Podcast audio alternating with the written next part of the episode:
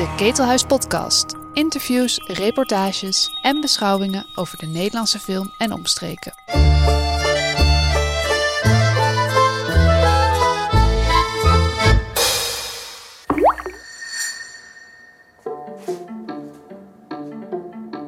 Welkom bij het uh, Ketelhuis ITVA Journaal. Met vandaag uh, aandacht voor Shangri-La Paradise Under Construction. Bestaat Shangri-La echt? Die vraag stellen Mirka Duin en Nina Spiering in haar kielzog zich in de documentaire Shangri-La Paradise Under Construction. De plek, ergens in Tibetaans China, is in elk geval bedacht door de Britse schrijver James Hilton, die erover schreef in zijn roman Lost Horizon uit 1933. Daarin stranden vier personages na een vliegtuigongeluk in het Kunlun-gebergte, waar ze een prachtig klooster vinden, het aardse paradijs. Mirka, jij uh, speelt zelf een, een, grote rol in de documentaire. Je, zei, je zegt in de film zeg je vooraf, moet je twee dingen van me weten. Ik, ik hou van reizen naar, naar plekken waar niemand is. En ik hou heel erg van archieven. Heb je dit soort obsessies met, met onderwerpen vaker? Dat je er maar bezig mee blijft en niet meer kan loslaten? Oh, echt wel. Ja, ik heb daar zelfs een label voor. maar uh, ja, nee. Hoe bedoel je label? Nou ja, ik ben, ik ben best wel obsessief. Dus ik kan inderdaad echt, als ik ergens me in vastbijt, dan kan ik het niet meer loslaten. En uh, met die archieven is dat dus inderdaad heel handig. Voor, uh, zeker voor deze film is dat heel handig geweest. Maar ja. Maar en, en wat, zijn dan, wat zijn dan de dingen waar je je dan zo al in vastbijt? Wat je niet los kan laten? Kan dat alles zijn? Nou, ja, maar ik. Nou. Kijk, met zo'n archief bijvoorbeeld het is het verlangen naar die belofte. Weet je, dat er elke keer. Je vindt zulke mooie dingen erin. Dus het is echt betoverend. Dus het is een soort van verlangen naar meer betovering. En dan eh, graaf je door heel veel van die lagen, heel veel van die films. En dan vind je weer zo'n echt parel. Weet je, en dat is zo verslavend. Dus daarom dat ik ze ook achter elkaar heb gezet, dat reizen in het archieven. Want het is eenzelfde soort verlangen van, naar een betovering van iets vinden, weet je wel. Ja, dus dat. Ja, je, je, las dat, je las dat krantenbericht over Shangri-La, dat het gevonden zou zijn. Um, en waarom was dat het dan wat jou meteen triggerde? Wat, wat zit er in dat Shangri-La? Nou, we wilden iets doen over de tourist gaze. Dat hadden we samen, die dynamiek tussen de de, de, de, de, toerist die iets vraagt en dan de host die het catert. En zeker van die backpackers die willen een authentieke ervaring. En die denken dan dat ze de meest authentieke ervaring ooit hebben, maar die is natuurlijk gecaterd. In grote of kleine mate, weet je. En we wilden daar heel graag iets mee doen, die, omdat dat schuurt natuurlijk. Het, het voelt niet goed als je als een backpacker ergens bent. Dus toen gingen we op zoek naar een plek waar die ja, waar, waar die tourist gay soort van in de overdrive was. En toen vond ik dat artikel en toen dacht ik, ja, dit is soort van de tourist gays to the max natuurlijk. Wat ze hebben gedaan, zo'n westers verhaal implementeren voor westerse toeristen. Dus toen ben ik erheen gegaan, ja. Ja, ja het was nadrukkelijk jij die er naar, naartoe gaat. Hè? Je bent heel nadrukkelijk aanwezig. Tegen het eind van de film concludeer je ook... ik ben onderdeel geworden van het verhaal wat ik had proberen te ontrafelen. Nou, dan is de toeschouwer ook al een beetje duizelig om het te zeggen. Het kon niet anders dan zo nadrukkelijk zelf aanwezig zijn. Dat is een hele duidelijke keuze van je. We zien je ook in de spiegel in het begin van de film. Ja, ja ik denk dat was in deze film iets wat voor ons altijd heel belangrijk was, was eerlijkheid. En het gaat heel erg over de positie van die westerse toerist. En als documentairemaker ben je dat natuurlijk ook. Dus ik vond het het meest eerlijk als ik kwetsbaar was als maker in die rol van de toerist. Dus daarom was het inderdaad wel nodig dat ik met mijn camera die dynamiek veroorzaak. En niet iemand anders die we voor de kakken zetten. Het moet ik zijn. Ja. Anders was het ook alleen maar jouw camera gericht op de ander. En dat klopt niet. Dat klopte niet. Nee. We hebben het al even gehoord, Nina Sorry. Spiering. um, nou, de rol van Mirka, jouw rol is duidelijk. Maar het is een film van jullie beiden. En we vroegen ons af, wat heeft die Nina nou eigenlijk gedaan? Ja, we hebben het ook met opzet pas aan het einde gezet. Waardoor het eigenlijk ook nog weer een soort verwarring is. Van, oh, we dachten dat we Mirka's verhaal hoorden. Maar het is ook nog eens Nina's verhaal. Ja. Um, ja, zoals Merkel al zei, we hebben het, dat die eerste fascinatie voor die tourist gaze, die kwam eigenlijk van ons beiden. Uh, Merk en ik werken al heel lang samen, al meer dan 17 jaar denk ik of zo. en um, wij zijn heel erg gewend om als co-regie samen te werken en denken samen hardop, zeg maar. Dus we Eh, en ik was aan de zijlijn betrokken, werd steeds meer, kwam er steeds meer in. En op een gegeven moment in 2019 hebben we besloten om het echt samen te doen. Gewoon omdat we merkten dat we er eigenlijk niet uitkwamen als we het niet gewoon met z'n tweeën deden. En ik ben dus nooit in China geweest. Ik ben als James Hilton. um, nooit in Tibet. Ja, nooit in Tibet. Dat gaat nooit gebeuren. Maar voor mij was mijn, dus mijn rol was ook anders. Ik zag al dat materiaal wat Merka had gefilmd. En ik zag het net als al dat andere archief. Uh, dus dat, dat, materiaal van Merka was voor mij ook al een soort droom. En uh, voor Merka was het meer de ervaring. Uh, en zo konden we samen wel heel goed over dat materiaal sparren ook. Ja, ja, ik weet, op een gegeven moment, een paar weken geleden, sprak ik Hong Ching, een van, een van de karakters uit de film, um, via de chat. En toen zei Nina, oh, hij, hij is echt. een beetje een grapje, maar... Ja, ja, nee, maar dit is zo absurd. Ik, kijk alleen, ik heb alleen maar naar het beeld gekeken. En dat was heel waardevol juist in deze edit. Uh, we hebben dus ook alles samen...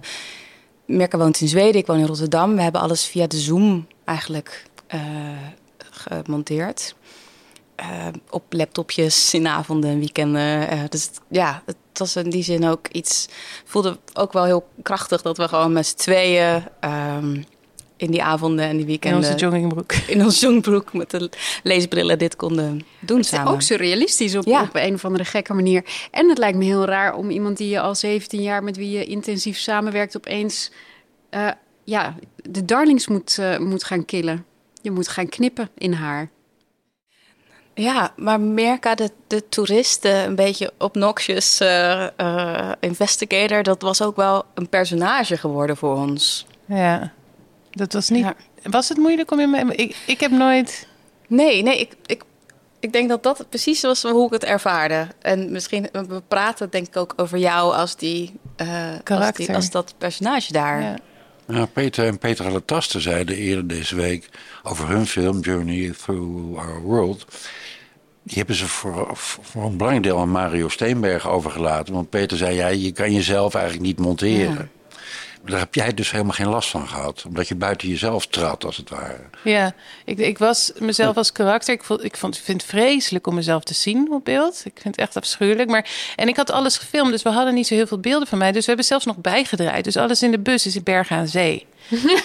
dus uh, ja, het is dus ja, ik vond het echt niet leuk om naar mezelf te kijken, maar het was echt voor het verhaal. Dat, en we hebben met een externe uh, editor geprobeerd te werken in Zweden. Maar het is zo'n complex verhaal. En het was zo van ons al.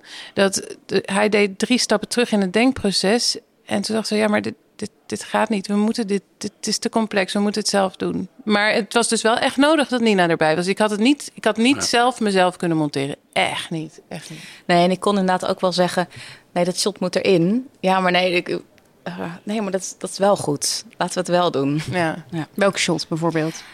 Uh, nou, bijvoorbeeld de commercial. Dat was zo'n moment dat je dat, uh, dat Merka zelf ook nog eens in een commercial terechtkomt.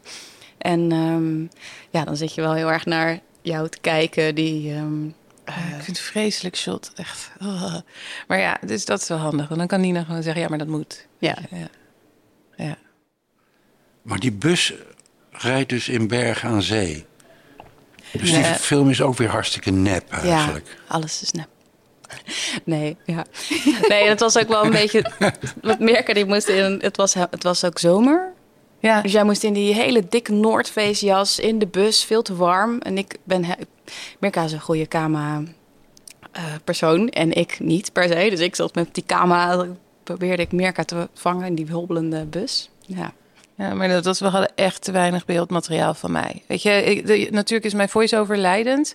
Zo hoopte dat dat genoeg zou zijn. Maar het was toch wel fijn om mij e-, eens in de zoveel tijd heel eventjes ook te zien. Want ik vond het anders ook niet oprecht genoeg. Weet je, er komen andere toeristen ook in beeld. En er komen heel veel andere mensen die wij voor de camera vatten. En alles is een klein beetje awkward. Dus waarom ben ik er dan niet? Weet je, ik vond dat niet oké. Okay. Ik vond dat ik toch ook wel echt... Uh, ja... Ja, en omdat je bijna alles zelf hebt gefilmd daar heb je. Het was ook niet dat je daar, daar dacht aan. Oh, nu moet ik ook nog even mezelf filmen. Dat was natuurlijk pas toen we al het materiaal hadden dat we daar pas achter kwamen. Ja. Nee, het is ook wel grappig omdat de film ook eigenlijk de vraag stelt: van maakt het eigenlijk ook uit of iets nep is of echt. Of een reconstructie of een Ja. eh, fantasie of een... Dus het past wel heel goed ook. Ja. Ja, nee, ik, weet je, ik vind dat, ik heb het idee, of tenminste, ik had altijd dat ik fictie en realiteit heel erg uit elkaar trok. En ik denk dat komt natuurlijk heel erg uit een westerse cultuur of blik op fictie en realiteit. Maar ik denk dat er een meer verfijnde blik is op fictie en realiteit in, in eh, Chinese cultuur die wij tegenkwamen. Waar verhalen eigenlijk meer worden gewaardeerd als onderdeel van de realiteit. Iemand zei me op mijn eerste reis van ja, het is zoals als je een steen hebt, heb je niet alleen een steen, maar je hebt ook het verhaal over de steen. Je hebt het pad rondom de steen en alles samen vormt een realiteit. Het is een soort van superimposed. En dat vond ik echt heel mooi. Toen dacht ik, oh, dat moet film worden. Ik, het is een soort van superimposed eh, realiteit en we moeten fictie serieus nemen als onderdeel van die altijd wordende realiteit. Dus eh, daarom maakt het inderdaad niet uit dat ik in een bus in Bergen aan Zee zit, denk ik. Vonden wij. Jij zei net al, in de Chinese cultuur is het heel anders. De manier waarop ehm, in China wordt aangekeken tussen, tussen nep en echt is natuurlijk ook heel erg anders. De manier waarop zij bijvoorbeeld eh, merkdingen namaken, de manier waarop zij toerisme beleven. Eh, er zit altijd een soort laagje. En dat lijkt eh, de Chinezen zelf, terwijl de Westerlingen gaan altijd op zoek naar een zo authentiek mogelijk iets, lijkt het hen niet zo heel veel uit te maken of dat. En ik denk dat dat eigenlijk eerlijker is. Want kijk, als wij gaan op zoek naar een authentiek ding, iets en dat wordt dan ook geketerd. Toch? Dus, en, en wij willen heel graag dat het dan heel erg geroet is in een soort van geschiedenis. Ehm, maar ja, ja, zoals in de film, dat wordt dan ook voor ons dan weer geleverd. En wij maken die foto, brengen dat naar huis, dragen dat verhaal weer over. Dus hoe anders is dat nou? Dat, ja, dat vraag ik me af. Je bent een grote fan ook van archieven. Dat reizen, daarvan heb je dus inmiddels nu wel door dat het nepper is dan je misschien altijd hoopte. Ehm, hoe kijk je nu naar die archieven? Want dat is eigenlijk ook maar een verzameling verhalen. Ja, dus ze zijn natuurlijk door iemand verzameld. En dat was, wij hebben heel veel archieven gebruikt. Ehm, dus van eh, Amerikaanse staatsarchieven, die zijn allemaal public domain. Eh, en Prellinger is ook public domain. Dat is ook Amerikaans archief met heel veel home video's. Maar we hebben natuurlijk ook archieven gebruikt van explorers die er zijn geweest. Maar dat, dat materiaal wat je vindt, is natuurlijk het materiaal wat is. eh, wat publiek is gesteld door echt autoriteiten. Weet je, en ook wat door, gefilmd door mensen die dat geld hadden en die aan materiaal hadden. Zoals die gekke Joseph Rock die in onze film zit, die daar met echt een kolonne heen ging. Dat sloeg natuurlijk nergens op. Dat was een soort van circus, westers circus. Dus ja, dat, dat is wel. Dat is iets waar we heel erg wel bewust van moeten zijn, ook als we archiefmateriaal zien. Dat dat geroet is ook in, in de macht. In, in de mensen die de macht hebben om, om dat te kunnen verzamelen en te maken. Ja, waardoor je inderdaad ook een, eigenlijk een heel eenzijdig beeld krijgt. Ja. Even heel praktisch, was dat archiefmateriaal nog te- een beetje te betalen? Want vaak zijn de rechten om die te clearen, is het waanzinnig veel geld. Ik hoorde gisteren het verhaal dat de NCRV tegenwoordig 250 euro per seconde vraagt als je hun materiaal wil gebruiken. Nou, dan, dat maakt het film natuurlijk onmogelijk. Maar hoe was het in jullie geval? Ja, ehm, het was ook. Eh, sommige dingen waren duur, andere dingen hebben we bijvoorbeeld. We hebben Lost Horizon is ook verfilmd. Was een Hollywood-hit in de jaren 30. Daar hebben we beelden van in zitten. En die was wel slim van de producent René. Die heeft gewoon onze film naar ze opgestuurd. En die vond het zo fantastisch. Die hebben ons toen echt voor heel weinig geld dat materiaal beschikbaar gegeven. Dus het verschilde heel erg per archief. Ook bijvoorbeeld eh Pitt Rivers Museum, waar we veel eh, kolon- koloniaal materiaal vandaan hebben. Die gaven ons 75% korting. Dus zo, het was per archief anders. En het duurste materiaal in de film is Raymond, de, ka- de, de, kapper, kapper. van Pathé. maar ja, we waren er echt verliefd op geworden. Dus dat moest erin. Dat was zo absurd, die met het Shangri-La kapsel. Dus, eh, maar ja, we hebben heel veel geld wel gestoken in archiefmateriaal. Ja. Ja.